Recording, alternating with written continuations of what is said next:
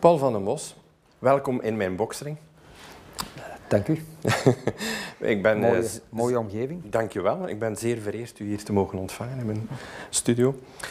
Um, een vraag. Onze eerste vraag. Um,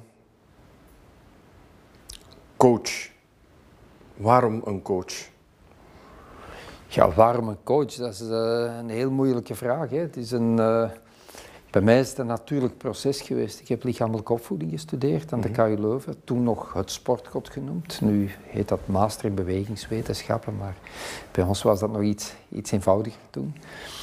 Um, en um, ja, dus, dus ik had een, een, wetenschappelijke achtergrond wat betreft sportbeoefening in de ruimste zin. Um, ik ben dan leerkracht lichamelijke opvoeding geworden. En uh, toen in 1982 of 1983, zo lang geleden al, kwam triathlon in België op. Hè. Triathlon is ontstaan in 1978 in, in, in Hawaii met uh, beelden van Julie Moss die totaal in elkaar stortte, over de, over de streep kroop. Die maakte toen een grote indruk en dat maakte die sport populair. Die waaide over van Amerika naar, naar België. In België, enfin, niet alleen naar België, over heel Europa, over heel de wereld verspreidde die sport zich. En die kwam in 1982 naar uh, België. Um, en ik was een van de pioniers, een van de eerste triatleten in België. Ik heb meegedaan aan het eerste Belgische kampioenschap, dat was in Maasmechelen. Uh, dat was toen allemaal nog, nog vrij primitief hoor. Dat, dat was niet met het materiaal zoals dat vandaag is. Um, dat was nog met eigen volkwagens uh, op openbare weg. Dat waren ja, heroïsche toestanden toen. Maar goed, um, ik, was, ik was triatleet en ik was als triatleet uh, enorm aangesproken door de, laat zeggen, technologische ontwikkeling die er toen al was. Mm -hmm. toen kwam de hartslagmeter op. Toen waren de eerste melkzuurtesten die, die opkwamen. Toen was er sprake van de Conconi. Uh, test. Dat was dan uh, in de jaren 80 is dat geweest. Hè. Herinner je met het uh, van Francesco Moser. Ja, dus Conconi. Ja. Enfin, toen hartslag en, en al die zaken, dat kwam op en, en, en de link naar beter presteren. Ik was daardoor gefascineerd. En um, ik was toen ook in, hoe moet ik het zeggen, begeleiding bij een een internist sportarts van bij mij in de buurt, Bert van de Langenberg, die dan uh, ook een pionier was in testing, uh, melkzuurtesting, test op de loopband, op de fiets en zo verder. Uh, was allemaal nog in, in, een, in een pril stadium, maar ik was erdoor gefascineerd. En toen ik stopte met triathlon, was eigenlijk bij mij de logische verdere stap. Ik ga coach worden, hè, trainer worden. Het was eigenlijk nog niet echt coach, coach het was trainer worden.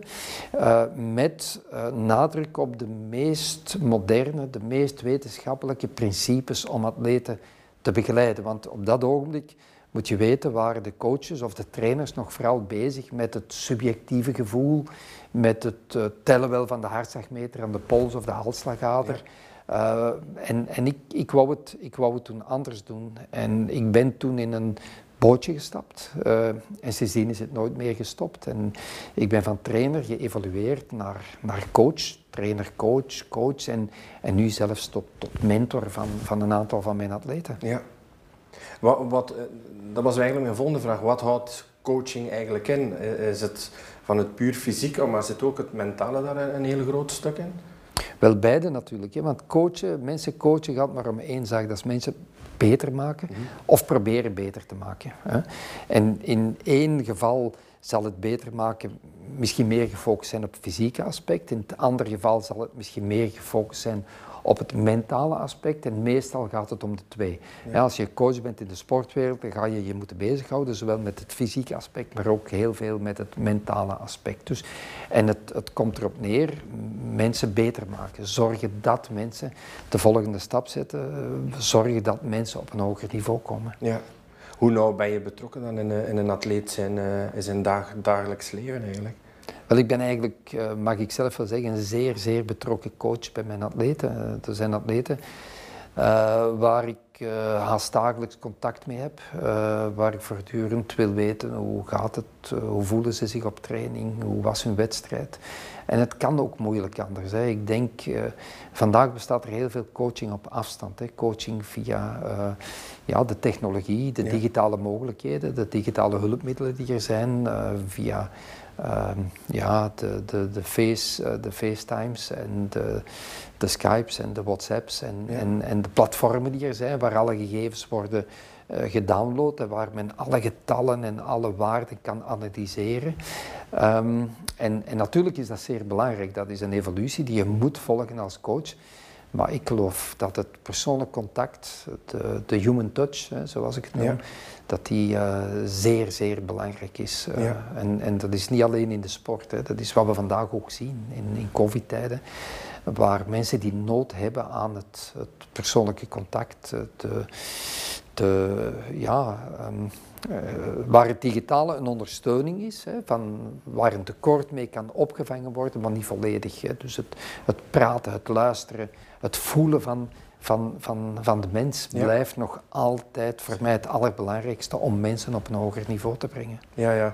Um, heel kort, maar dan even inpikken op dat COVID. Uh, zoals u zegt, het hulpmiddel is nu eigenlijk het hoofdding geworden. Hè. Het digitale heeft het eigenlijk een stuk overgenomen van het uh, menselijke. Um, is dat een voordeel of, of, of, ziet u dat nu niet absoluut als een voordeel? Zoals u zegt, van, ik, eh, het is heel belangrijk dat het een menselijk contact blijft. Maar merkt u daar voor- of nadelen op dit ogenblik? Wel, het, het, is een enorm voordeel dat het er is. Hè, want zonder die digitale hulpmiddelen zou het vandaag zeer, zeer moeilijk zijn. Ja. Beeld u maar even in dat een dergelijke pandemie zou uitgebroken zijn een twintigtal jaar geleden of vijftiental, vijftiental jaar geleden, mm -hmm. waar de connectie met de mensen volledig zou verbroken zijn. Hè. Mensen zouden thuis zitten en ze zouden misschien via telefoon nog een beetje contact hebben, maar dat was het. Dus vanuit dat standpunt is het een gigantisch voordeel dat het er is en, en vervangt het voor een gedeelte het, het menselijke contact. Maar we zien toch dat, dat je daar alleen niet mee kan redden. Hè. Dus nee. mensen, mensen voelen, het is, het is huidhonger, hè, zoals men het ook genoemd heeft. Hè. De huidhonger is er. Het, het, het, het, het voelen, het, het, het, uh, ja, wat er echt gaande is, dan moet je aanwezig zijn. Hè. Dus er zijn ook heel veel meetings die kunnen doorgaan uh, op een digitale manier. En, en via de Zooms en, en via de Teams van vandaag. En dat is natuurlijk uh, ook een openbaring geweest. In die zin dat mensen vandaag vaststellen dat ze eigenlijk te veel verplaatsingen hebben gedaan voor vergaderingen. Ja. En een aantal vergaderingen kunnen even goed digitaal gebeuren. Ik heb uh, gisteren nog iemand gehoord die me zei: Ja, ik besef nu dat ik te veel airmiles heb gedaan. Hè. Veel te veel airmiles. Hè. Dus, dus veel te veel verplaatsingen met vliegtuig die nu heel makkelijk digitaal kunnen gebeuren. Hè. Ja. Die, die, die contacten. Maar uh, ik hoor toch van heel veel mensen in het bedrijfsleven dat een, een, een heel aantal zaken ook verloren gaan. Hè. Dus de, de, reacties van mensen zien tijdens een meeting, de, het, het, voelen van, van, van de sfeer die er hangt, ja, hè. dus bij, ja. bij bepaalde besprekingen, uh, dat, dat is er niet. En, en um, ja, die, de, de human touch, de, de connectie blijft, blijft gigantisch belangrijk. En um, dat is ook van de reden, een van de redenen waarom men nu uh, vooral de scholen wil openhouden. Hè? Omdat men weet voor leerlingen, voor jonge kinderen ook hoe belangrijk het is dat ze contact hebben met hun kinderen, ja. het fysieke contact.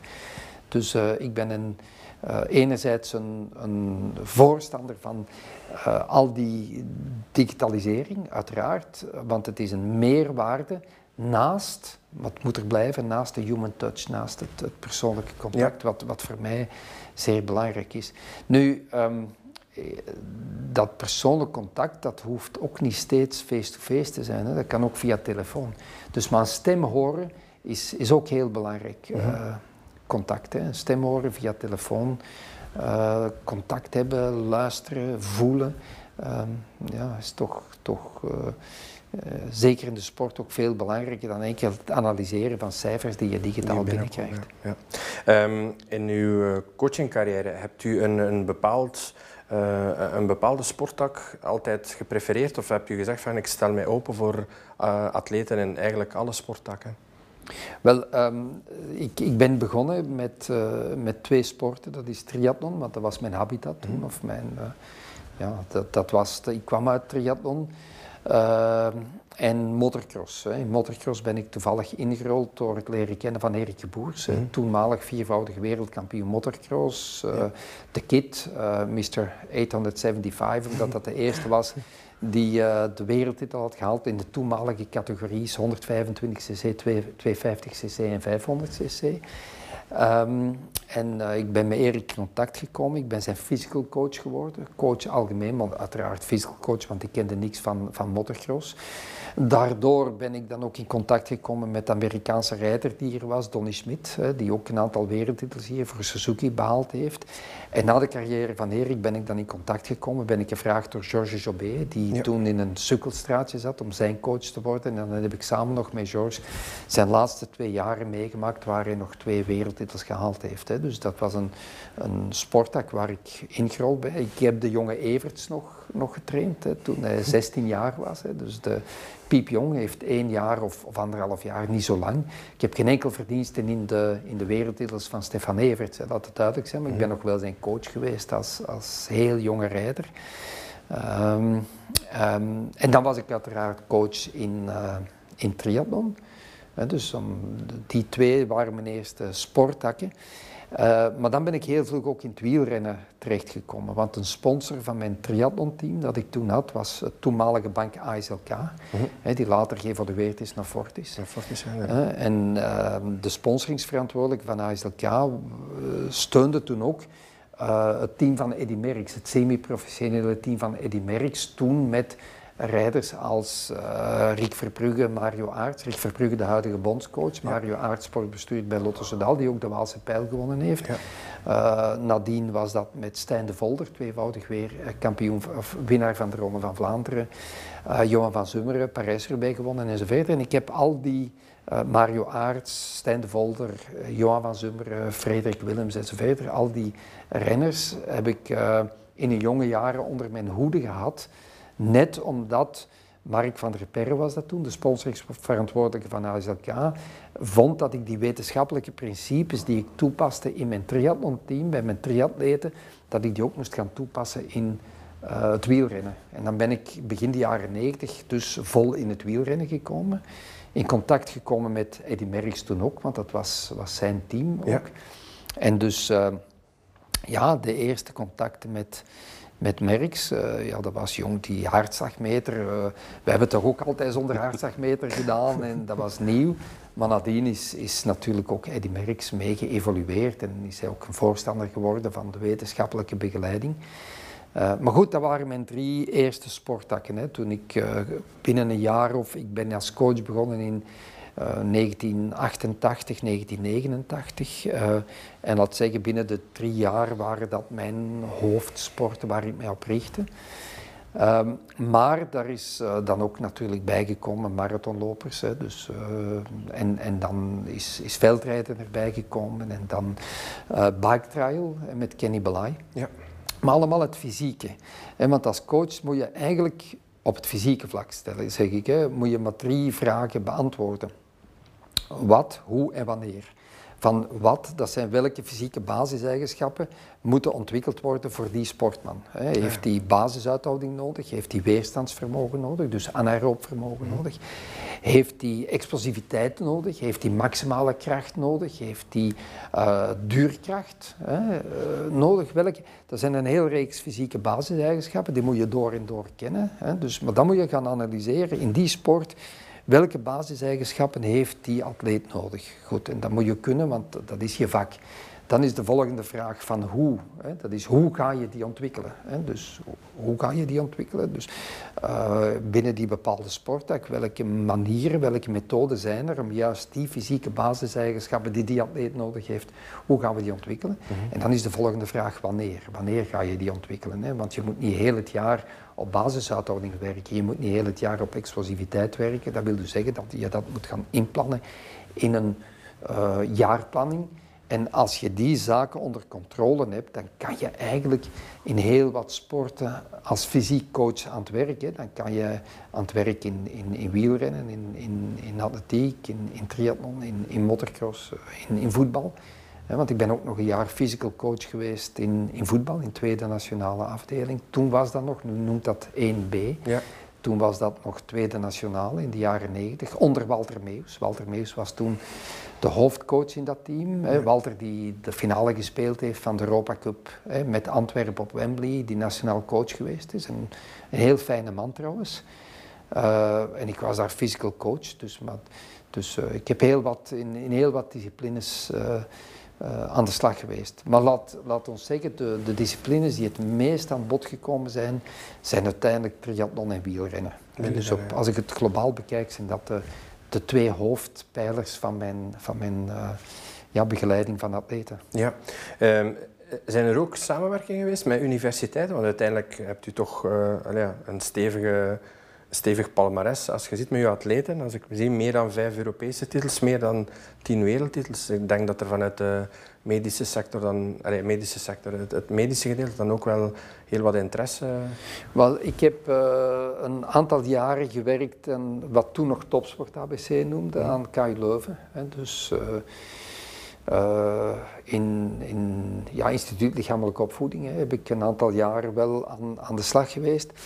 Maar ik moet eerlijk zeggen, ik heb me tijdens heel mijn uh, carrière als coach vrij ver gehouden van van andere structuren. Mm Dus omdat ik heel veel gesteld was op mijn onafhankelijkheid. Ja. Wat niet wil zeggen dat ik nooit beroep gedaan heb op, op kennis uit, uit uh, van andere mensen. Hè. Ik denk dat dat was KU Leuven, Topsport ABC. Dat is ook geweest uh, uh, aan de VUB bij Romein Meusen. Mm Dus de, de, de prof, ja, prof, hoe moet ik het noemen, inspanningsfysiologie enzovoort. ik heb ook bij bij andere mensen, bij diëtisten advies gevraagd. Ik heb bij artsen advies gevraagd, uiteraard. Hè. Je kan het niet alleen, je moet je, moet je kennis ook uh, halen. Enerzijds uit ervaring, anderzijds uit het, uh, het volgen van symposia, hè, congressen, symposia. Maar ook uh, kennis in, in overleg met andere mensen. Maar ik heb, ik heb eigenlijk nooit willen werken binnen een, een bepaalde structuur. Hè. Dus in, in dienstverband of wat dan ook. Ja. Dus mijn, mijn eigen gang willen gaan, maar wel openstaan voor ideeën van andere mensen en voor advies van andere mensen. Ja. Door de jaren heen en de ervaring dat u opgebouwd hebt, eh, bent u dan, uh, is er uiteindelijk het, ja, het kind, gaan we noemen, Energy Lab ontstaan. Kan u mij daar iets uh, meer over vertellen? Wel, het is zo dat ik in 1990, 89, 90 zelf begonnen ben met een eigen inspanningslabo. Mm -hmm. Dus dat wil zeggen dat ik al heel in het begin van mijn carrière bij een garage uh, de wagens uit de garage en mijn garage verbouwd heb tot een, een inspanningslab, hè, waar ik uh, begin de jaren 90 een loopband staan had, een, een, systeem om een fiets op te plaatsen, om inspanningstesten te doen op de fiets. Uh, ik had ook um, een, een, toestel voor VO2 max te bepalen, het maximaal zuurstofopnamevermogen. Um, ik deed daar mijn eigen studies rond. Ik heb mijn eigen software ontwikkeld om melkzuurtesten te analyseren en zo verder. Dus, maar dat was eigenlijk um, vooral gericht op de begeleiding van mijn eigen atleten. Dus ik, ik wou mijn atleten op de best mogelijke wetenschappelijke manier uh, begeleiden. Mm -hmm. Dus uh, het was een, een heel verhaal van trial and error. Dus omdat het, daar kon je niet zoveel informatie zoeken, want dat was nog, nog helemaal in ontwikkeling. Hè? Heel die interpretatie van melkzuurtesten en zo verder. Um, uh, maar dan, ik heb dat, ik heb dat eigenlijk gedaan tot, zelf tot 2009. En in 2009 heb ik de vraag gekregen van Bob Verbeek van het sportmarketingbedrijf Golazzo. Dus het, het grote sportmarketingbedrijf dat verantwoordelijk is voor op dit ogenblik ongeveer 300 evenementen, waaronder de 10 Miles van Antwerpen en de Ronde van Vlaanderen voor wielertoeristen en, en de Zesdaagse van Gent en de Ronde van België voor profrenners en, en de Bing Bang Tour en, en uh, in Frankrijk de Marmot en enfin, al die randonnees en, ja. en, en zo verder. Dus een, een, een fantastisch bedrijf hè, dat, dat helemaal gericht is op, op mensen in beweging zetten. En toen kreeg ik de, de vraag van Bob of ik... Uh, een labo wilde inrichten, organiseren, opstarten voor uh, Golazzo. Omdat Bob uh, wel heel veel um, uh, events kon aanreiken aan de, de, recreatieve en de competitiesporten, maar hij miste eigenlijk de begeleiding voor die mensen. Hij wou eigenlijk dat die niet alleen bij hem konden komen om deel te nemen aan allerlei sportieve evenementen, maar hij wou ook een begeleiding aanbieden. En toen ben ik in 2009 met Bob uh, Energy Lab opgestart. Ja. Waar we onze eerste test gedaan hebben op 1 juli 2009. En waar we dan heel vlug gegroeid zijn. Uh, wij hadden toen Lotto, maar dat was Lotto Omega Pharma. Hè. Als ja. World Tour team kregen we al meteen onder onze hoeden om die renners te gaan begeleiden. toen nog met Philippe Gilbert. Hè. Dus het... Mm -hmm uh, onder andere nu terug met Philippe Gilbert, maar toen, toen was Philippe Gilbert in, in, in die ploeg. Um, en um, ja, dat, is, dat heeft een, een snelvaart genomen. Hè. Dus uh, we zijn heel, veel, heel vlug gegroeid. Het eerste jaar, op het einde van het jaar waren we met drie. Hè. Dus ikzelf en nog twee medewerkers die het, het labo runden. Want toen was het eigenlijk het labo we zijn dan ook met een voedingsdeskundige gaan werken, met een sportarts, dat mensen niet alleen terecht konden bij ons voor testing en coaching, maar ook voor voedingsadvies en voor een, um, een um, uh, medisch consult. We hebben ook uh, toen onmiddellijk bikefitting uh, georganiseerd. Hè, dus dat mensen op hun fiets konden gezet worden, waar ze zich goed voelden, goed afgesteld uh, steunsolanalyse enzovoort. Dus een, een, een heel labo wat individu van recreant, van recreant tot uh, topsporter uh, aan bod kwam. Ja. en natuurlijk, op dat ogenblik was het gedaan met mijn eigen labo, hè, dat gericht was op mijn eigen atleten. En dan is dat eigenlijk naadloos overgegaan in Energy Lab, dat open stond voor het meest mogelijk brede publiek. Dus de recreant die zegt, ik wil mijn eerste keer ten miles lopen, tot een marathonloper die zei, ik wil een marathon lopen onder de drie uur. Uh, tot iemand die wilde leren fietsen, tot iemand die drie keer uh, de Mont Ventoux wou opfietsen, bijvoorbeeld. Ik, ik, noem maar wat. Uh, en dat heeft een heel grote vlucht genomen, om, om twee redenen. Eén, omdat uh, wij heel vlug een, een, zeer goede reputatie hadden, op het vlak van het begeleiden van mensen, coachen van mensen, testen van mensen. Maar anderzijds zijn we ook heel vlug overgegaan naar het uitrollen van well-being programma's in bedrijven. Dus, want natuurlijk, meer en meer is het besef gekomen dat uh, fitte mensen, fitte mensen, dat die ook mentaal uh, sterker staan. En we weten dat het aantal burn-outs eh, met de jaren toeneemt. Hè. Mensen met mentale problemen, de stress neemt toe enzovoort. En, en men weet vandaag uh, dat mensen die fit zijn, mensen die veel bewegen, mensen die aandacht hebben voor hun gezondheid, dat die ook mentaal veel veerkrachtiger zijn en dat ze dan ook productiever gaan zijn hè, in bedrijven. Hè. Als je mensen, als je het absenteïsme kan terugschroeven, als je mensen fit en alert kunt houden en de productiviteit gaat hoger, ja, dat is ten goede van iedereen, van de werknemer, maar dat is ook ten goede van, van de werkgever. En wij zijn dus ook begonnen met het uh, opmaken van, um, van uh, well-being programma's in de bedrijven. Um, en dat is op dit ogenblik dus de grote pijler geworden, hè, de belangrijkste pijler binnen Energy Lab. Het labo is, is uiteraard zeer belangrijk, maar dat is niet schaalbaar. Hè. Dus je weet dat mensen, iemand die komt testen, dat vraagt twee uur hè, dat we daarmee ja, bezig zijn. Inderdaad. Als je meer mensen binnenkrijgt en je krijgt meer aanvragen, dan ga je wel, oké, okay, dan ga je uh, de workload verhogen, maar op een bepaald ogenblik moet je meer mensen gaan aannemen. Hè. Dat is niet echt schaalbaar, die mhm. testing. Maar well-being-programma's in bedrijven, dat is veel meer schaalbaar, omdat dat ook op een digitale manier kan gebeuren. Hè. Dat gaat via platformen. Je kan via platformen uh, niet één persoon dan bereiken, zoals je dat doet in het labo bij de testing, maar je kan via platformen via registratie op platformen kan je veel meer mensen gaan bereiken. En op dit ogenblik werken wij dus met een, ja, ik denk op dit ogenblik met een uh, veertigtal bedrijven, hè, met zeer grote bedrijven. Wij werken met, uh, met, met Deloitte, met uh, PwC, met... Ehm, wij werken met AGEAS, met AG Insurance, met BDO, met Bridgestone, met Ineos, met en, en zo verder. Ja. Dus met, met uh, ja, grote bedrijven. Grote KPMG bedrijven. is ook een van de bedrijven waar wij mee werken. Dus wij werken met, met heel grote bedrijven waar wij eigenlijk vorm van consultancy doen. Dus daar is niet one fits all. Het is niet zo dat wij het platform hebben dat wij uitrollen in alle bedrijven. Nee, uh, wij gaan naar bedrijven, wij gaan zien van wat is de nood hier, waar willen jullie naartoe, hoeveel werknemers hebben jullie, um, over hoeveel jaar zien jullie het.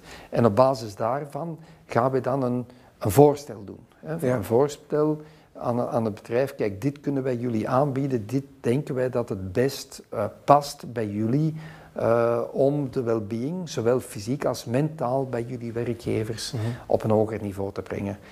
En, en dat lukt aardig vandaag. Hè. We, zijn, we zijn daar uh, zeer ver in gevorderd op, op, op heel die tijd. Um, we hebben een fantastisch team dat er rondwerkt. We hebben fantastische mensen, zowel in het labo als als in, het, het, uh, in de afdeling of in, in de grote groep die werkt rond de well-being. Um, en uh, ja, dat, dat loopt zeer goed. Natuurlijk, COVID heeft net zoals bij iedereen op dit ogenblik uh, stokken in de wielen gestoken, maar net door het feit dat het een combinatie is van het fysieke en het digitale, zijn we in staat om vrij goed stand te houden en toch te kunnen blijven werken met de meeste van de bedrijven waar wij een overeenkomst mee hadden. Ja. En dat gaat ook van uh, relatief kleine bedragen. Uh, er zijn bedrijven die bij ons op jaarbasis uh, 30, 40.000 euro um, besteden aan de well-being, maar dat gaat zeer ver. Maar dan gaat het wel Europees. Hè. Dus wij zijn ook, uh, wij zijn ook actief met, met bedrijven op Europees of zelfs op wereldvlak. En dat gaat dan over, over vrij grote uh, contracten. Ja. Hè. Dus, uh, maar, maar dat is een, een, een zeer mooie business. Hè. Dus, business is misschien een negatief woord, want de, de, missie, de missie van het bedrijf is echt om mensen tot een volle potentieel te laten komen. Ja. En het maximum uit de mensen te laten halen, net door hen zowel op het fysieke als mentale vlak te gaan ondersteunen, te gaan stimuleren, te gaan te laten groeien. Ja. Is het programma geschikt voor alle medewerkers in een bedrijf of is het echt een, een doelgroep in het bedrijf? Nee, nee, het, het, is, het is voor alle, voor alle medewerkers. Hè. En, en, en vooral, vooral richten wij ons tot uh, tot de medewerkers waar men het eigenlijk minst van verwacht, niet naar de usual suspects. Hè? Ja. Want je kan natuurlijk uh, wel begrijpen dat in elk bedrijf mensen zijn die zeer gedreven al aan het sporten zijn. Ja, die, ja, die, um, die uh, marathon lopen, die met een fiets Stelvio beklimmen en, en, weet ik veel. Um, nee, het is, het is vooral gericht naar de mensen die eigenlijk minder zichzelf in aanmerking zien komen om, om te gaan bewegen. Hè. En die maken we meestal ambassadeur binnen het bedrijf. Hè. Dus, dus binnen het bedrijf zijn er, dat is een van de kernpijlers die we doen in een bedrijf. We werken met ambassadeurs van mensen waar je het niet verwacht en die gaan we heel intens begeleiden. En die mensen begeleiden we naar een bepaalde uitdaging. Hè. Dat kan heel divers zijn. Bij sommige bedrijven is dat naar een, een, een vijf kilometer loop. Bij anderen is dat naar een kwart triathlon. We zijn met bedrijven gegaan naar de kwart triathlon van Lanzarote, van Barcelona. Uh, we zijn op de marathon geweest van Athene, maar we zijn ook in, in Lissabon. Of Porto of Lissabon, we waren ook in Portugal. Uh, we zijn met uh, mensen naar de Stelvio gegaan, we zijn met mensen naar de Galibier gegaan, enfin, je noemt maar. Een bedrijf zoekt een uitdaging, we hebben ambassadeurs, we bereiden die na naartoe. En die ambassadeurs, dat zijn eigenlijk degenen die het woord moeten verspreiden. Hè. Er ontstaan Facebookgroepen, er bestaan, ontstaan uh, communities binnen het bedrijf. Dat is eigenlijk de olievlek die moet uitbreiden Hè, om iedereen in het, in het bedrijf aan te steken. En dan buiten die ambassadeurs zijn er natuurlijk digitaal ook nog een aantal challenges of een aantal campagnes die lopen, ja. die heel het bedrijf uh, aanspreken. Hè. Dat kan een campagne zijn rond voeding, dat kan een campagne zijn rond slaap, dat kan een campagne zijn rond mentale weerbaarheid. Uh, dat kan een challenge zijn, een stappenchallenge, die over heel het bedrijf gaat. Uh, dus het, ambassadeurs zijn belangrijk, maar dan die dat digitale platform waar, waarmee we de rest van het bedrijf ook nog gaan bereiken, is, is al even belangrijk. En wij proberen dus een, een, een, um, een vibe te, te, te realiseren binnen de bedrijven, waar dat mensen meegaan, dat ze meer aandacht gaan hebben voor zichzelf, dat ze, ik heb er trouwens een boek over geschreven, egopreneur, dat ze meer een entrepreneur worden van zichzelf, dat ze meer zorg gaan dragen voor zichzelf, waardoor ze zich beter gaan voelen, mentaal weerbaarder, productiever gaan zijn voor het bedrijf enzovoort. Ja, dan uitdagingen geen tekort blijkbaar. Nee, nee, nee. Dat is een, maar dat is, dat is een heel dat is een fantastisch mooi, mooie missie. Hè, als je dat van een bedrijf kan doen. Je bent eigenlijk bezig met mensen beter maken. Hè. Dus, uh... Zien bedrijven dat op, op, op een, eigenlijk op een, op een lange termijn? Of zien ze dat van, we gaan het, uh, een, een opstart doen om, om het bedrijf gezonder te maken? En als alles loopt, laten we het? Of zien mensen dat echt op long term? Nee, mensen zien dat long term. Hè, want wij er zijn echt... Uh, ik mag een naam noemen, ING is, is, is van ons een, een, een, partner, een klant, uh, van, al van in 2012, 2013. Toen zijn we er eigenlijk mee begonnen. Mm -hmm. En op dit ogenblik loopt dat nog altijd door. Hè. Dus wij hebben, wij hebben bedrijven waar we echt op lange termijn uh, mee werken, die ook samen met ons de ontwikkeling, want wij ontwikkelen ook, wij worden daar jaar in jaar beter in. Mm -hmm. Ik bedoel, wij zijn in al wat we doen zijn we zeer goed. Maar er komen altijd nieuwe ontwikkelingen. Het digitale staat niet stil. Er komen nieuwe platformen, er komen nieuwe uitdagingen. En zij evolueren met ons daar, daar verder in. Hè. Want het is natuurlijk een uitdaging voor ons als je met een klant werkt om die jaar na jaar iets nieuws te kunnen ja, aanbieden. Ja, om die ja. toch te kunnen te blijven binden. En als ik zie naar een aantal grote bedrijven waar wij toch al over heel wat jaren mee werken, dan zien we toch dat dat, dat, dat, aardig, dat, dat aardig lukt. Nu moet je ook zien vandaag, Um, um, bedrijven zien dat ook als, als een vorm van um, employer branding. Hè. Ja. Uh, hè, dus je, je, je kan niet blijven mensen gelukkig maken met, uh, met, met een auto, met, een auto en, en met, met, met, een laptop en, en, en noem het maar.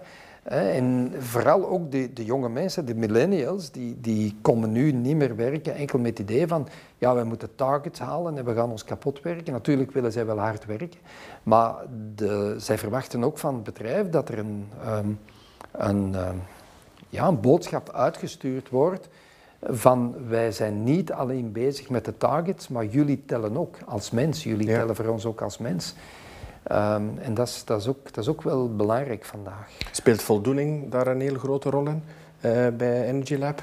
Voldoening vinden in die uitdagingen en mensen ja, eigenlijk gelukkig maken. Hè?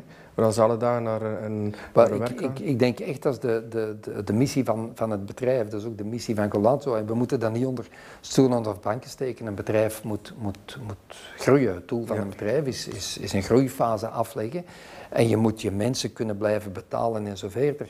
Maar um, wij hebben echt ook dat gevoel bij ons, bij de mensen, dat die, dat die gelukkig zijn.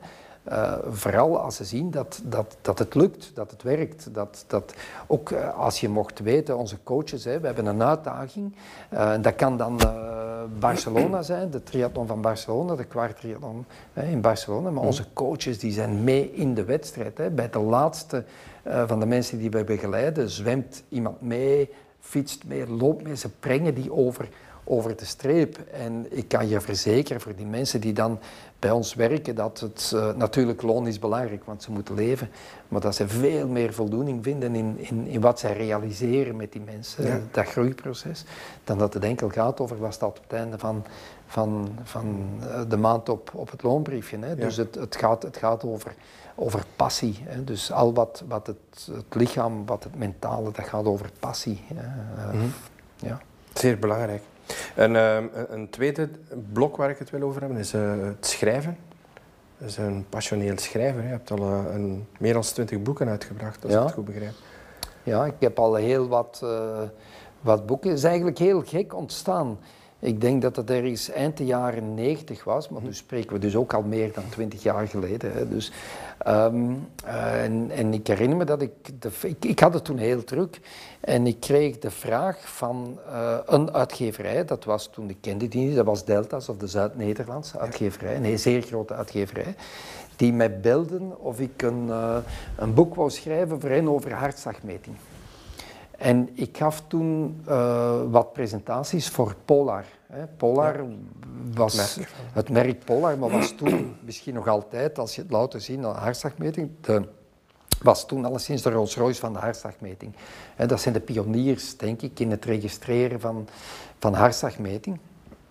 En uh, Uh, die mensen van de Zuid-Nederlandse die waren op de boekenmessen in, in Frankfurt geweest en er was een boek over hartslagmetingen. Ze hadden dat daar gezien, dat was een Duits boek. En zeggen, ja, dan gaan we dat in België ook uitbrengen, zoiets. En, en ze hadden met Polar contact opgenomen en ik had een heel goede band met, met de mensen van Polar. Die hadden de Zuid-Nederlandse naar mij verwezen. Goed, ik kreeg die vraag. En ik dacht, ja, ik weet nog dat mijn vrouw zegt, ja, ga er ook nu nog mee beginnen? Want ik, had, ik was vrij druk bezig met, met alles en nog wat. Uh, maar ik zeg, ja, eigenlijk is dat heel simpel. Ik, ik, ik heb hier mijn schuif, heb ik uh, mijn teksten liggen waar ik de presentaties geef. En in drie weken, ik bracht het allemaal wat bijeen en op drie weken had ik een manuscript en, stuurde ik dat binnen.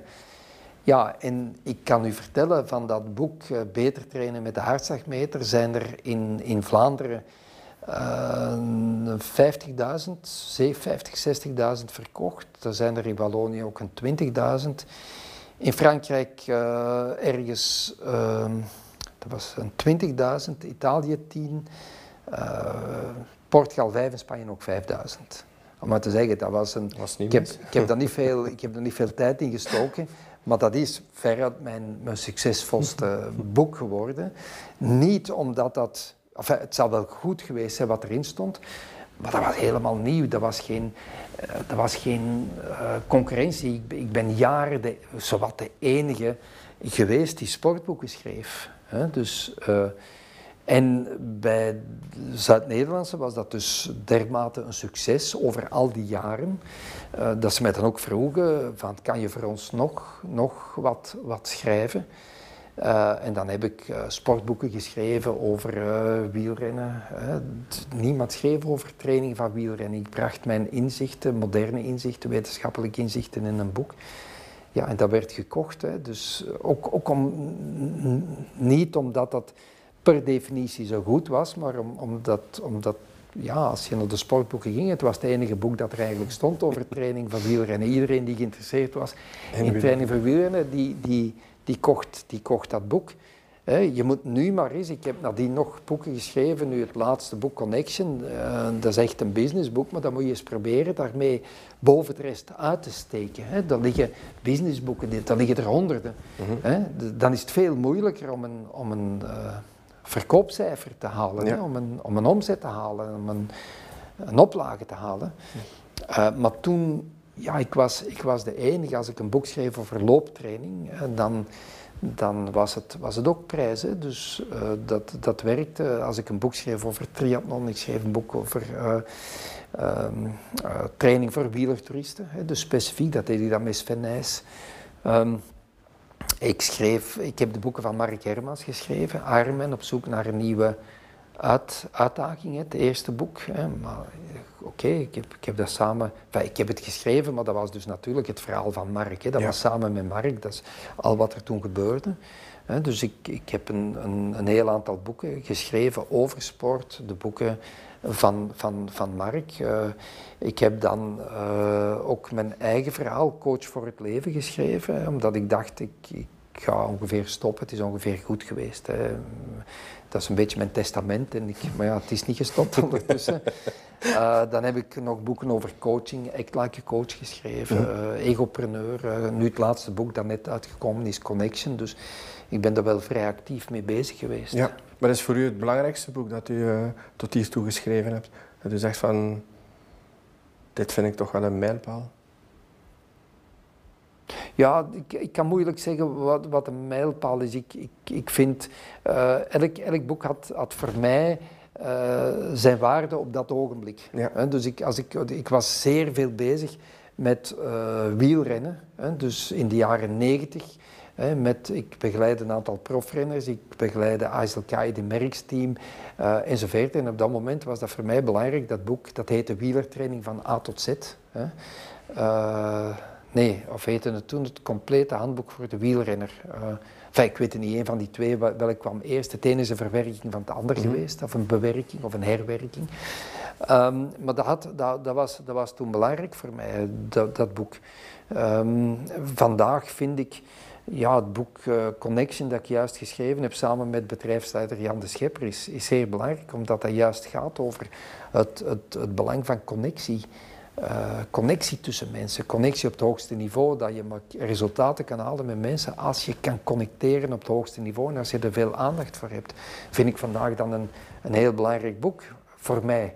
Uh, vorig jaar uh, heb ik Egopreneur geschreven, waar dat ik het verhaal vertel, of niet het verhaal, waar ik mensen adviseer van zie jezelf als een kleine onderneming en een onderneming waar je heel veel zorg moet voor dragen. Hè. De ego is ik, preneur, van entrepreneur, de entrepreneur van het ik van, van jezelf, waar ik eigenlijk uh, op druk dat, dat slapen, beweging en voeding zo gigantisch belangrijk is hè, voor een, een, een, zowel een fysiek als een mentaal gezond leven. Hè, Dat je toekomstperspectief wel bepaald wordt door de levenswijze die je vandaag aankleeft. Hè.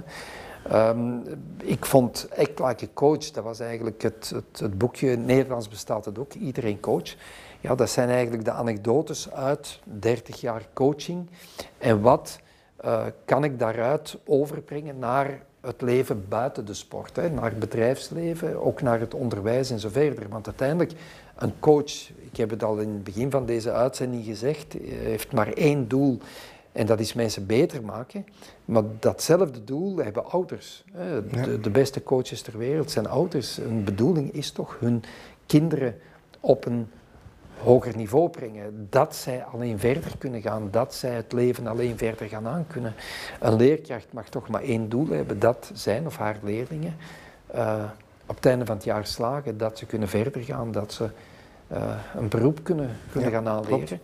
Dus, en, en in, in, in dat boek heb ik uh, wat genoemd wordt 40 tips en tricks hè, vanuit de sport die ook allemaal gangbaar zijn hè, buiten de sport. Hè. Bijvoorbeeld feedback, ik geef een klein voorbeeldje. Feedback is in de sport gigantisch belangrijk. Hè. Daar is een uitspraak, feedback is food for champions, feedback is breakfast for champions. Hè. Dus wij, wij kunnen niet leven zonder feedback. Hè. Dus een atleet die eist feedback, die vraagt feedback. Hè. Van, van zeg me, wat, heb ik, wat kan ik nog beter doen, wat heb ik fout gedaan? Zeg het me wat ik beter kan doen, want ik wil wel morgen beter zijn dan vandaag. Mm um, en, en het is pas via feedback dat mensen kunnen groeien. En wat zie je buiten de sport, in het bedrijfsleven? Als ik in het bedrijfsleven kom, ja, de grootste uh, klaagzang die ik krijg is, er is hier geen feedback. Wij krijgen geen feedback. Die feedback trekt op niks. Um, zie je, wat ik wil proberen aan te duiden, hoe belangrijk is feedback in de sport, maar dan is dat ook wel belang, belangrijk buiten de sport. Ja. Hè? Dus je moet, je, moet, je moet feedback geven aan mensen. In, in de sport begint communicatie met luisteren. dus ik kan toch geen schema maken voor mijn atleet als ik niet eerst geluisterd heb naar hoe hij zich voelt. Uh, of hij uitgerust is of niet uitgerust, welke wedstrijd, hoe het was op de wedstrijd, welke wedstrijd hij volgende week gaat hebben. Ik moet toch eerst door een luisterproces, voor ik mijn job kan doen voor die atleet. Terwijl buiten de sport naar elkaar luisteren wel een heel moeilijk issue is. Hè? Dus ja, luister, luisteren mensen naar elkaar. Dat zijn maar twee voorbeelden. Een ander voorbeeld, en daar wil ik dan mee stoppen, want uh, ik kan heel, mijn, heel, heel dat boekje vertellen natuurlijk, maar wij, wij focussen in sport op de sterke punten van mensen. Hè? Dus als je een sprinter traint, hè, dus een, een sprinter, uh, in het wielrennen, dan, en die kan niet klimmen, dan ga je niet je focus leggen op het klimmen, een beter klimmer van maken. Want dan moet hij nog gewicht afvallen, moet hij spieren verliezen, eh, want dan moet zo licht mogelijk worden en uiteindelijk wordt hij nog geen echte klimmer. Maar ondertussen is hij zijn kwaliteiten als sprinter wel, wel kwijtgeraakt. Wat moet je doen? Je moet met die sprinter, je moet er nog een beter sprinter van maken. Focus op sterke punten van mensen. En natuurlijk, een sprinter in de, in de Ronde van Frankrijk moet genoeg kunnen klimmen om de bergen over te komen. Want als hij wil sprinten op de Champs-Élysées, dan moet hij wel de, de, de, de bergetappes overleven. Ja, hè? klopt. Maar je moet focussen op sterke punten. En wat doen wij? Wij focussen buiten de sport vooral op zwakke punten van mensen. Wat ben je niet goed in een dag ga je niet verbeteren. Kinderen die thuiskomen met tien cijfers en daar staat 1, 2 van wiskunde, maar daar staan 10 van Nederlandse expressie dan mag ik je eens vragen waarover het gaat. Hè. Of oudercontact, of, of, of bij de leerling bespreken. Of, of, of, bij die, dat gaat niet over dat talent van dat kind, die Nederlandse expressie, want daar, wordt niet over gesproken, waardoor dat talent heel dikwijls verloren gaat. Maar er wordt wel gesproken over dat zwakpunt. Deels terecht natuurlijk, want als dat kind een 2 heeft, kan dat niet overgaan tot volgend jaar. Mm. Hè, maar dat is die damage control. Hè. Dat is die sprinter die ook de bergen over moet. Ja, die er net moet overgaan. Maar, maar je moet, wij, wij focussen heel veel op, op zwakke punten van mensen. Ja. Uh, als wij zaken vertellen over mensen, gaan we vooral vertellen over wat, wat, ze niet goed gedaan hebben. Of wat je gehoord hebt, die heeft dat niet goed gedaan. Dus, en, en in, de sport, in de sport weten we dat je moet focussen op de sterke punten om vooruitgang te maken. Ja. En dat is een boekje, ik maak je coach of iedereen coach, die, die die verhalen brengt, die, die anekdotes, die, die inzichten. Hmm. En dat vind ik dan ook, wat betreft coaching, vind ik dat dan weer, op, op dat vlak vind ik dat voor mij, een, een voor mezelf, een, een, een, belangrijk boek dat ik, dat ik, dat ik heb, heb uh, komt, het door, komt het door uh, Energy Lab dat u eigenlijk een beetje de verschuiving maakt van topsport naar de bedrijfswereld ook in uw, in uw schrijven? Doordat zij de focus leggen op uh, bedrijven Kom het, en bedrijven? Komt het door, door Energy Lab is natuurlijk wel zo dat binnen Energy Lab dat daar dat, daar een, dat, dat, dat er ook een belangrijke verschuiving geweest is. En waarschijnlijk zal dat ook een impact gehad hebben op mij. Dus ja. in het begin was, was Energy Lab een labo, hè, testing, coaching van individuele atleten. En Mhm. daar is een verschuiving gekomen. Zonder dat, dat, dat uh, de individuele coaching en testing Ja, verwaarloosd. Die, die, die is ook gegroeid ondertussen. Maar die andere pijler, dat is eigenlijk een, een grotere pijler. Ja. Die, is, die is feller gegroeid, ook omdat dat schaalbaar is. En waarschijnlijk heeft dat er ook, ook mee te maken. Hè. Dus dat je dat ik, dat ik meer in contact gekomen ben met, met het bedrijfsleven door die jaren heen. Mhm. Um, maar goed, het is niet alleen door Energy Lab, want door mijn co-auteur van het laatste boek Connection uh, zijn we vijf jaar geleden begonnen met de organisatie van de CEO Summit. Hè. CEO Summit Ja, is een begrip inderdaad. geworden. Hè, waar wij CEO's samenbrengen, waar wij een aantal, uh, voor zover wij kunnen inschatten, interessante sprekers, maar vooral een netwerkevent. Uh, organiseren, CEO's op het hoogste niveau, bij elkaar brengen op één dag, waar ze heel veel van hun collega's kunnen zien, waar ze anders heel veel tijd nodig hebben om die allemaal te kunnen, te kunnen zien. En dat is dan een, een, weer een event die, die helemaal naast Energy Lab ontstaan is, hè, samen met Jan de Schepper, hè, die, die, die bedrijfsleider is, die heel veel van die mensen kent. Um, en ook daarbij is die interesse gegroeid. Hè. Het is dus, laat ons zeggen, een organisch proces dat ontstaat op, op, verschillende, op verschillende vlakken. Hè. Uh, ja, want dat is ook natuurlijk een, een, ja, dat vergt toch, die organisatie van een CEO Summit vergt toch ook heel veel werk over het jaar. Hè. Dus, Ja. uh, Wat is uw uh, rol daar juist in? Want uiteindelijk van, eh, blijft het de coaching en, en uw ervaring als coach dat daar vooral in gebruikt wordt? Ja, mijn rol in, in CEO Summit is samen met, met, met, met Marina de Moerlozen en, en, en met uh, de echtgenote van, van, van, Jan, van Jan de Schepper mijn eigen echtgenote. We zijn een organisatiecomité en ik heb ook een belangrijke rol in het organiseren van, van, van heel het event. Hè. Dus het operationeel gedeelte ben ik samen met, met een aantal andere mensen zeer actief. Um, maar um, wij hebben tot nog toe de gewoonte gehad, Jan en ik, dat wij telkens één van, enfin, met twee, twee van de zes, zeven sprekers waren. Hè. Dus uh, in het, in het uh, heel verhaal. En daar is het wel zo dat het, het, verhaal dat ik altijd bracht, de keynote die ik bracht of de presentatie die ik bracht, dat die altijd coach gerelateerd was. Ja. Hè. Dus coachen gericht naar uh, hoe ga je je mensen beter maken, hoe ga je teams beter maken, wat is het belangrijkste? Zijn de teamprocessen belangrijk of, belangrijk of is de individuele coaching uh, belangrijk? Ik heb het verhaal egopreneur gebracht, hè, omdat het allemaal bedrijfsleiders zijn die één uh, er alle belang bij hebben om ook heel goed voor zichzelf te zorgen, zelf ook hun lichaam te verzorgen, zelf aandacht hebben voor beweging, slaap, voeding, maar ook natuurlijk voor hun medewerkers. Hè, dat uh, dus mijn, mijn inbreng, mijn inhoudelijke inbreng is eigenlijk altijd wel coach gerelateerd. Nog een belangrijke tak is de bedrijfsspeeches. Hè? Daar, uh, um, daar bent u ook vrij actief, toch? Hè? Inderdaad, ik geef uh, jaarlijks, uh, enfin, nu uiteraard met COVID is het, is het een, een, heel ander jaar, maar laten we zeggen tussen de 50 en de 75 speeches, bedrijfsspeeches, waar ik mijn verhaal breng uh, over egopreneur, maar ook het verhaal over echt like coach, wat dat ik net de, de principes die werken in de sport om mensen beter te maken, die wil ik dan ook overbrengen in het bedrijfsleven. Hè. Wat kan je wat kan je leren uit de sport om mensen binnen je bedrijf op een hoger niveau te brengen? Mhm. Dus dat is een, een, een speech die ik, ik, vrij veel geef.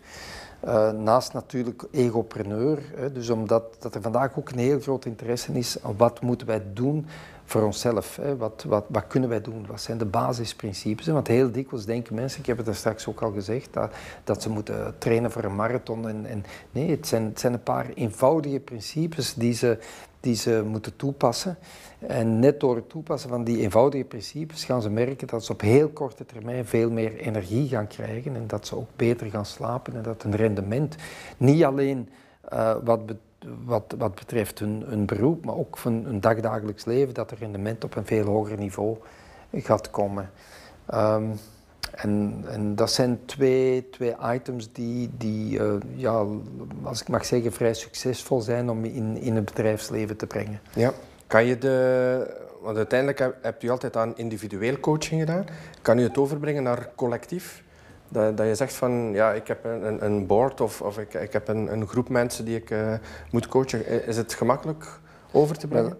dat wordt, dat wordt, uh, het is eigenlijk goed dat ik die vraag krijg, want er wordt heel dikwijls een onderscheid gemaakt tussen uh, individuele coaching en, en teamcoaching. Mm -hmm. Dus uh, nu, het is niet zo dat ik niet met teamcoaching te maken heb. Hè. Dus al wat wielrennen, vandaag wielrennen is een, is een teamsport. ik heb in voetbal, in voetbal gewerkt, dat is, dat is een teamsport. Hè. Dus, um, maar um, al te gemakkelijk wordt het onderscheid gemaakt tussen individuele coaching en teamcoaching. Hè. Dus, en mijn visie daarop is dat teamcoaching begint met individuele coaching. Teamcoaching is natuurlijk het meest eenvoudige. Want je gaat werken op de tien processen en je hebt tien mensen voor je en je gaat werken op die tien mensen tegelijk. Mhm. Maar mijn standpunt is dat een team optimaal kan renderen als de eerste individuen op maximum rendement gebracht zijn. Ja. Uh, een, een, klein voorbeeld ervan, in, in, in, wielrennen is teamwork enorm belangrijk om iemand een sprint te laten winnen. Men heeft een sprinter, daar is een sprinttrein en dat is, dat is een team, die zijn op elkaar afgesteld, die moeten elkaar blindelings vertrouwen. die weten exact van welke kilometer tot welke kilometer renner 1 op kop moet en dan wordt die afgelost door renner 2 en dan wordt die afgelost door renner 3 en zo verder. En dan uiteindelijk die laatste brengt de sprinter in positie op, laten we zeggen, 250 meter van de streep. Dat is het ideale plaatje. En dan gaat hij zelf, zoals zij dat zeggen, dan gaat hij zelf aan. En dan moet je natuurlijk werken op teamprocessen, hè, want je moet, je moet uh, die, die, die mensen samen laten trainen, je moet daar een, een teambuilding uh, rond, rond vormen. Uh, die moeten echt haast blindelings hun vertrouwen, die, die geven hun leven bijna in handen van de anderen. Hè. Die sprinter die zegt, ik zit in dat wiel en die brengt me daar, wat er ook gebeurt, ik moet, ik moet dat wiel blijven volgen. En dat is, dat is oké. Maar de eerste vereiste is dat die individuele renners wel allemaal het vermogen kunnen duwen dat van hen verwacht wordt om met die sprinter vooraan te blijven. Ja. Want je kan het beste team hebben en, en, en, en zijn vrienden en ze zijn op elkaar ingespeeld en ze vertrouwen elkaar. Maar als er één is die het vermogen niet kan leveren om die sprinter vooraan te houden, ja, dan komen de andere trein, de sprinttreinen voorbij en dan zit je helemaal van achter en dan komt er niks van het sprinten. Dus, uh, en dat is iets wat ik, wat ik bijvoorbeeld ook probeer, probeer te vertellen. Teamprocessen, teamcoaching gaat maar renderen als je eerst individueel hebt gecoacht, als je eerst je mensen op het hoogste niveau hebt gebracht. En pas dan gaan de teamprocessen aan bod kunnen komen. Uh, en dat is iets wat ik bijvoorbeeld leer uit, uit, de sport en wat ik probeer over te brengen vanuit de sport. Dat is één van die items. Ja. Is er een groot verschil tussen sport en bedrijfswereld qua coaching? Ja, dat is natuurlijk een heel groot verschil. Hè. Uh, uh, bij, bij, de, bij, de, um, bij de sport of in de sport worden atleten op elk ogenblik afgerekend. Hè. Op seconden, op millimeters, op mhm. centimeters, op, op plaats 1, 2 of 3. dus uh, iedere dag opnieuw. Ronde van Frankrijk, bij elke sprint is ik heb het gehaald of ik heb het niet gehaald. Dat wil dus zeggen dat er zeer veel in, in hoge pieken en in diepe dalen wordt gewerkt. Mhm. Nu, in het bedrijfsleven is er misschien ook een afrekening, maar dat gaat niet van dag tot dag. Dat gaat op de kwartaalcijfers, of dat gaat de cijfers op het einde van het jaar, of dat gaat de evolutie over verschillende jaren. Mhm. Dus daar uh, werkt men meer uh, zonder die, die hoge pieken en, en dalen. Dus het, je, kan, je kan het presteren in de sport niet gelijkstellen met presteren in, in de business. Mm -hmm. dat, dat gaat niet helemaal. Maar de principes die werken in de sport, die gaan ook wel werken in bedrijfsleven, zonder dat daar die dergelijke pieken moeten gehaald worden. Ik heb het al aangehaald, het voorbeeld van de feedback. Als je uh, in de sport geen feedback geeft, ga je niet kunnen presteren of ga je je atleet niet beter kunnen maken. Maar ik ben even goed overtuigd, als je een manager bent, je hebt een team onder je en je geeft geen feedback, je geeft geen constructieve feedback, dan ga je met je team lang niet het resultaat halen dan wanneer je dat wel doet. dus het, het, hoeft niet, je, je kan het niet helemaal gelijkstellen, absoluut niet, maar de principes zijn wel geldig in de twee domeinen, zowel in de sport als in het bedrijfsleven. Ja. Merkt u dat u na zo'n speech dat er, uh, dat er echt wel heel veel invloed heeft op de, op degene, eh, op de managers of op de CEO? Van, dat, dat ze zeggen van oké, we gaan toch anders beginnen denken, andere toepassingen beginnen? Uh... Wel, het, het, is zo als, als je een, een, een, speech geeft, als je een, een, presentatie geeft, dan is dat geen opleiding. Hè. Dus uh, men heeft TED Talk, hè, dus de TED Talk, men heeft de meest succesvolle TED Talks uh, geanalyseerd. En hoe heeft men die geanalyseerd? Men heeft drie onderdelen gemaakt. Men heeft het, het, het gedeelte uh, pathos, men heeft het gedeelte logos en ethos. En pathos, dat wil zeggen, dat is het verhaal. Hè. Mhm. Dus met pathos, dat is de, het, het, storytelling. Uh, de logos, dat is wat is de informatie die men geeft. En de ethos is, dat is je eigen autoriteit. Hè. Wat, wat, wat is je eigen inbreng in dit geheel. En dan heeft men gezien dat als je een succesvolle presentatie geeft, dat 64% of 65% ongeveer is pathos, is storytelling, is uh, eh, 25% ongeveer is logos, is een vorm van opleiding, informatie die je geeft en de rest, dan blijft er nog uh, eh, 10% over. Feite is 64, 25 en 11%. 11% blijft over en dat is jezelf, wat is je eigen inbreng erin, je eigen autoriteit. Uh, en dat moet je, dat moet je wel um, ook, na, dat moet je ook volgen als je een, een, presentatie geeft in het bedrijf die geen opleiding is. Hè? Want een presentatie is mensen inspireren, is, is, is, zaken naar boven brengen. Um, en dat doe je met, met vooral storytelling. Hè. Zoals ik zeg, het overgrote deel van je presentatie is dan een storytelling. Je werkt met, met eh, foto's, je werkt met filmpjes, maar je werkt niet met bullets. En wat is het effect daarvan? Inderdaad, dat mensen geïnspireerd worden. En dan krijg ik heel dikwijls de reactie van, dat is juist, en zo had ik het niet gezien, en ja, dat opent ogen. Dus, en, en dat klopt. Maar ik besef goed genoeg, als er nadien niet onmiddellijk mee aan de slag gegaan wordt, dan gaat het ook weer, weer verloren. Dus eigenlijk zou een presentatie een, een start moeten zijn om aan de slag te gaan met, met bepaalde zaken. En dat heb ik natuurlijk, dat, dat, dat, dat weet ik natuurlijk niet. Hè. Je geeft een presentatie, je krijgt feedback over die presentatie, dat is één. Maar hoe gaat men daar later mee aan de slag? Dat is, dat is iets dat, dat, je, ja, dat je eigenlijk uh, niet meer te weten komt. Merkt u, een, uh, merkt u ondertussen al een, een, verandering in die, in die bedrijfscultuur? Dat mensen, allee, dat, dat uh, bedrijfsleiders meer aandacht, meer, maar, excuseer, meer aandacht gaan vestigen op een medewerker, dat die gezonder gaan leven, dat die... Ja ja, maar wij hebben net een bevraging gedaan bij onze CEO's. Hè, dus bij mhm. een bevraging bij, uh, we hebben dat nu gedaan bij ongeveer, uh, dat zal een, een, een, uh, een, een tachtigtal CEO's hebben wij een bevraging gedaan. En daar hebben we de vraag gesteld, denkt u dat, dat de lichamelijke paraatheid, het lichamelijke welbevinding, dat dat, dat dat een positief effect gaat hebben, zou kunnen hebben op de productiviteit, hè, op, op de werking binnen het bedrijf. Het moet niet louter uh, business gerelateerd zijn, commercieel gezien worden, maar op de, op de werking binnen bedrijf een positieve impact. En dan bleek dat 95% van die CEO's dat, dat beaamde. Ik vond dat vreemd dat er nog 5% was die, die vond dat, dat dat niet was, want ik heb de vraag gesteld, waar zijn die twee hier? Uh, wie zijn degenen die, die, niet, die dat niet, uh, niet ondersteunen? Uh, maar dan de volgende vraag was, en vinden jullie dat jullie wat dat betreft al voldoende doen en actie ondernemen. En dan bleek dat in de 60% aangaf nee, wij doen nog niet voldoende. Dus daar is wel dat besef. Uh, maar om het te implementeren, om het te, in te bouwen in de bedrijfscultuur, daar zijn we nog niet helemaal aan toe. maar dat is work in progress. Hè. Uh, dus, dat is, uh, ja, Rome is ook niet in één dag gebouwd, zegt men. Ik, ik, denk dat dat een, een bewustmakingsproces is. En het, het, is ook allemaal niet zo simpel hè, binnen bedrijven, hè, want het, is, het zijn bijkomende inspanningen binnen een bedrijf. Enerzijds Uh, financieel, hè, uiteraard, want het heeft een, een bepaalde kost. Hoewel, als je ziet in een bedrijf van, van, van uh, ja, met duizend werknemers, zeg maar, maar wat, hè, een paar tientallen euro's extra per jaar per werknemer, dat kan het verschil eigenlijk niet maken. Maar als je het ziet als pakket op zich, is het, is het weer een, een extra financiële inspanning die, die, die moet gedaan worden. Dat is, dat is één. Uh, en het zijn niet de makkelijkste tijden, dus ik begrijp dat dat niet zomaar te implementeren is.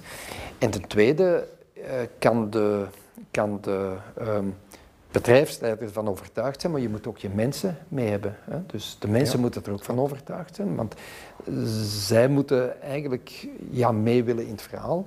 En ten derde, dat is ook nog een, een zaak waar we moeten rekening mee houden, wij kunnen dat vanuit Energy Lab wel implementeren, ondersteunen, faciliteren in bedrijf. Maar het moet ook ondersteund worden door iemand binnen het bedrijf. Hè. Je moet er ook iemand op zetten die daar ook die zorgt dat het, dat het binnen het bedrijf uh, geactiveerd wordt en geactiveerd blijft.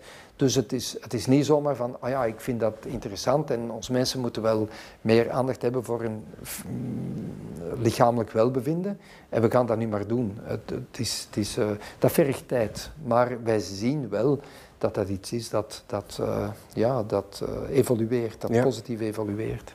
Wij, wij merken nu ondertussen door het, uh, het, het coronavirus dat veel meer mensen van thuis uit gaan werken en dat er ook bedrijven over aan het nadenken zijn van misschien toch wel wat meer mensen laten van thuis uit werken en wat minder op bureel. brengt dat een wijziging in, in, in, in de hele opzet van bedrijven gezonden? Want als mensen van thuis uit gaan werken, heb je er ook minder, ja, controle is een groot woord, maar heb je er minder impact? Is de impact ook kleiner van... Uh, ja, het is, het is natuurlijk zo, die, die, de, eerst over dat thuiswerk, uh, de, dat wordt nu enorm gepromoot. En, en terecht goed. Bijvoorbeeld, ik ben nu van uit de Kempen naar hier, naar Brugge gekomen. Ja, nu kan je bijna rechtdoor rijden, terwijl dat, dat, dat me vroeger uh, een uur langer zou kosten, of drie kwartier langer. Hè. Dus mensen werken thuis. Dat is natuurlijk een pluspunt. Maar ik hoorde een uh, bedrijfs- en CEO van een groot bedrijf zeggen, ja, dat is allemaal goed en wel, dat thuiswerken, maar zo ga je geen bedrijfscultuur meer ontwikkelen. Mm. En ga je mensen niet kunnen integreren in een bepaalde bedrijfscultuur, wat ook belangrijk is. Hè. Dat wil dus zeggen, je kan het niet alleen thuis doen. Je moet ook mensen in het bedrijf hebben op regelmatige basis, want anders gaat de entiteit van je bedrijf ook wel verloren. Ja. Dus uh, mensen moeten contact hebben met elkaar, mensen moeten de, de cultuur kunnen voelen, kunnen opsnaven en ook nog kunnen uitdragen als er nieuwe mensen in het bedrijf worden aangenomen. Maar als je natuurlijk op een bepaald ogenblik alleen nog mensen hebt die thuis werken en er komen nieuwe mensen, op de duur kent niemand niemand meer, en, en uh, ja, dus ik, ik denk dat, dat het thuiswerken dat dat uiteraard zeer zinvol is, maar tot op, tot op bepaalde hoogte. Dat is één. Twee, wat betreft het lichamelijke uh, well-being, de, de physical well-being, uh, ga je net door het feit dat mensen thuiswerken, gaan ze meer tijd kunnen uitsparen om daar aandacht voor te hebben. Want laat het wel wezen, het is niet de bedoeling om als je als je wil werken aan, aan je gezondheid, dat je absoluut echt moet gaan sporten. Niemand gaat vragen dat je je moet voorbereiden. Als je toe voor je gezondheid en voor je mentale weerbaarheid, is er niemand die vraagt dat je dat gaat doen uh, uh, via voorbereiding van een marathon of, of drie keer achter elkaar de Mont Ventoux opfietsen. Hè. Dat is het niet. Je moet bewegen. Mm bewegen, stappen, eh, een half uur extra stappen per dag, drie keer tien minuten, uh, de trap nemen, dus, maar, maar, actief zijn, bewegen, uh, is, is bijzonder belangrijk daarvoor. En, en ja, mensen gaan misschien als ze een uur minder in de wagen zitten, van en naar het werk, ja, gaan ze misschien daar een half uur kunnen van makkelijker gebruiken om om te gaan stappen. Dus ik zie, ik zie aan dat thuiswerk, net door het feit dat mensen meer tijd besparen en ze zijn bewust van, van de noodzaak om lichamelijk actief te zijn, hè, gaat het makkelijker zijn om dat te implementeren. Hè. Mm -hmm. Dus uh, ook mensen, heel dikwijls hoor je mensen zeggen, ja maar we hebben daar geen tijd voor, want wij hebben ook nog uh, kinderen en huishouden en, en, en, en zo verder en zo verder. Maar goed, kinderen zijn op school, je zit niet in de file, je kan dus kinderen naar school en dan even die 20 minuten tijd maken om een goede wandeling te doen. En je rendement voor de rest van de dag zal veel hoger zijn. Mm -hmm. En daar kan dat thuiswerk uiteraard een, een positieve rol in spelen. Merkt u zelf dat er meer gesport wordt door, het, uh, door corona? Ja, we hebben, de bevraging die we daar rond gedaan hebben, die komt uh, exact overeen met wat, wat de cijfers die we van de overheid gezien hebben. Dat is een enquête. En alvast, dat waren cijfers tijdens de eerste golf, hè, als ik het zo mag zeggen, de periode van maart tot, tot juni. En dan bleek dat uh, 58 uh, procent van de mensen die nooit gesport hadden, dat die begonnen zijn met, met sporten. En we hebben zelf die bevraging gedaan en wij komen op een, op een cijfer ook in de 50 procent. Dat mensen meer gaan, gaan bewegen zijn. Hè. Uh, uh, natuurlijk zie je het ook bij al wat fietshandel is. Hè. Groothandel, kleinhandel, ja, die, die, die, die, zijn, die zijn uitverkocht. Hè. Dus, het, ja. er zijn enorm veel mensen die fietsen gekocht hebben. Um, gelukkig, gelukkig kan ik zeggen, is die eerste golf gekomen tijdens de periode lente-zomer. Ja. Want als je natuurlijk die eerste golf zou gehad hebben in, in, in de donkere periode, ja, dan denk ik niet dat uh, veel mensen extra zouden gaan sporten zijn. Hè, omdat het, uh, het weer het is koud, het is nat, uh, niet aanlokkelijk om om beginnen te sporten. Hè. De, de, de geoefende sporter die, die laat zich daar niet door afschrikken, maar het is net die mensen die nooit gesport hebben, die daarmee begonnen zijn. En die zijn ermee begonnen omdat het, ja, het was licht, ze hadden tijd. Uh, het was, we hebben een heel goed het, het, weer is oké okay geweest. Ja, het is zeer goed weer geweest. Dus, uh, ja. Heeft de topsport uh, zware nog even doorgaan op dat heeft de topsport uh, zware klappen gehad door het Ja, topsport, topsport heeft zeer zware klappen. Hè. En, en, en, de impact van die klappen die gaat nog lang nazinderen. Hè. Dus ik, ik heb lang gevreesd voor het wielrennen. Hè, want in mm. mei dacht ik niet dat, dat, dat ze één koers zouden, één wedstrijd zouden gaan, gaan rijden dit jaar. En uiteindelijk is er toch al redelijk wat geweest. Wel allemaal compact, eh, gecomprimeerd in een, in een kleine periode van tijd. Uh, maar ja, als je ziet vandaag wat er in, in de Giro, hè, dus een aantal renners die positief zijn, gaan ze het einde halen. Uh, dat is maar de vraag. Hè. Uiteindelijk gaan sponsors op het einde van het jaar sowieso met veel minder exposure zitten. Hè. Dus ze gaan zich vragen stellen omwille van, van de budgetten. Hè. Nieuwe sponsors die eventueel zouden instappen, die gaan zich ook grote vragen stellen van ja, welk risico lopen we, want hoe lang gaat het nog duren? Gaan ze volgend jaar beginnen? In voetbal weten we dat. Dus die, die, die clubs die zonder, uh, zonder uh, publiek of haast zonder publiek moeten spelen, ja, dat is, dat is een heel groot inkomstenverlies. Dus de sport gaat, uh, denk ik, op een, op een ander niveau, uh, financieel op een ander niveau moeten doorgaan. Ja. Alle sportieve evenementen die op dit ogenblik niet doorgaan, dat is een trauma voor de evenementensector. Hè. Niet alleen in de sportsector natuurlijk, evengoed in de culturele sector, de kunstsector. Ja, iedereen. Alles, maar iedereen, iedereen deelt, deelt in de klappen. Dus, um, ja, vandaag, vandaag is het redden wat er te redden valt. Maar wat de uiteindelijke impact gaat zijn, dat gaan we pas ja, uh, binnen enkele maanden, jaren zien. Ja. Nog even over het uh, wielrennen en veldcross. Hè. We hebben nu het seizoen dat eigenlijk heel hard overlapt. Hè. Uh, krijg je dan renners met, met keuzestress, gaan we niet noemen, maar renners die zeggen van ja, toch liever de baan of blijf toch liever in of behoudt iedereen zijn, zijn, Nee, maar ik, ik, denk, ik denk dat de, de, de renners die nu veldrijden doen, hè, dus dat zijn de, de, de echte crossers, mm. laten we zo zeggen, hè, die, die wel op de weg rijden, maar als voorbereiding op het, op het veldritseizoen. Hè, dus, uh, maar diegenen die daar aan de slag zijn, um, die... Um, ja, die zouden toch niet gekozen hebben voor, voor de weg. Hè. Dus één. En dan de twee grote toppers die wel zouden kunnen kiezen voor uh, het veldrijden. Hè. Wout van Aert en Mathieu van der Poel. Ja, die gaan in december en in januari in het veld komen. Die gaan een aantal crossen rijden. Maar voor hen was het al lang duidelijk dat ze niet meer het seizoen zouden rijden. Wat ze altijd hebben gereden ja. vooraf. Hè. Dus, en ik denk niet dat op dit ogenblik bij hen een, de keuzestress speelt. Hè. Ik denk dat voor hen heel duidelijk is dat ze nu vol moeten gaan voor klassiekers als Gent-Wevelgem, als Ronde van Vlaanderen.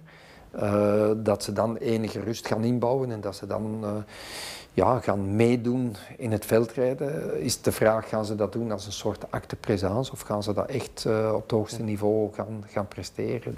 Ja. Ik, ik weet niet, dat gaan hun trainers en dat gaan hun teams uitmaken, hè, waar de focus moet liggen bij die jongens. Uh, zit er een verschuiving in en, en, een verandering in de sport door het, uh, ja, het, drama dat zich stelt nu? Want uiteindelijk denk ik, als je ziet naar het uh, volgend voorjaar, ziet het er ook niet, nog niet oké okay uit. Hè. Je ziet e-, events al die gecanceld worden. Dus ik vrees dat de sport daar ook nog gaat indelen.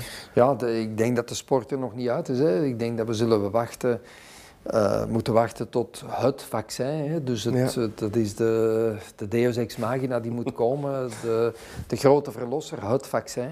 Uh, uh, dat gaat moeten komen, maar dan is natuurlijk de vraag, je, je, hebt, je hebt wel een vaccin, uh, maar het virus zal er blijven. Hè? Dus men heeft een vaccin tegen de griep, maar de griep die blijft ook. Hè? Het virus zal er blijven. Natuurlijk zal men beter kunnen omgaan hè? Met, met het virus, met de behandeling van het virus. Het vaccin zal ook heel veel ellende wegnemen, dat is duidelijk. Maar dan is de vraag, uh, gaan mensen, gaan mensen um, ja, echt nog uh, alle mensen echt even goed blijven kiezen voor massa-events? Dat is ook een, een vraag. Ja. Hè? Dus uh, natuurlijk, wij weten ook wel, daar gaat niks boven een, een echt event. Hè? Dus daar gaat niks, uh, het publiek, de ambiance, het, het, lopen, het fietsen met andere mensen. Dus, en mensen vergeten heel vlug. Ja, hè? Dus inderdaad. mensen vergeten heel vlug.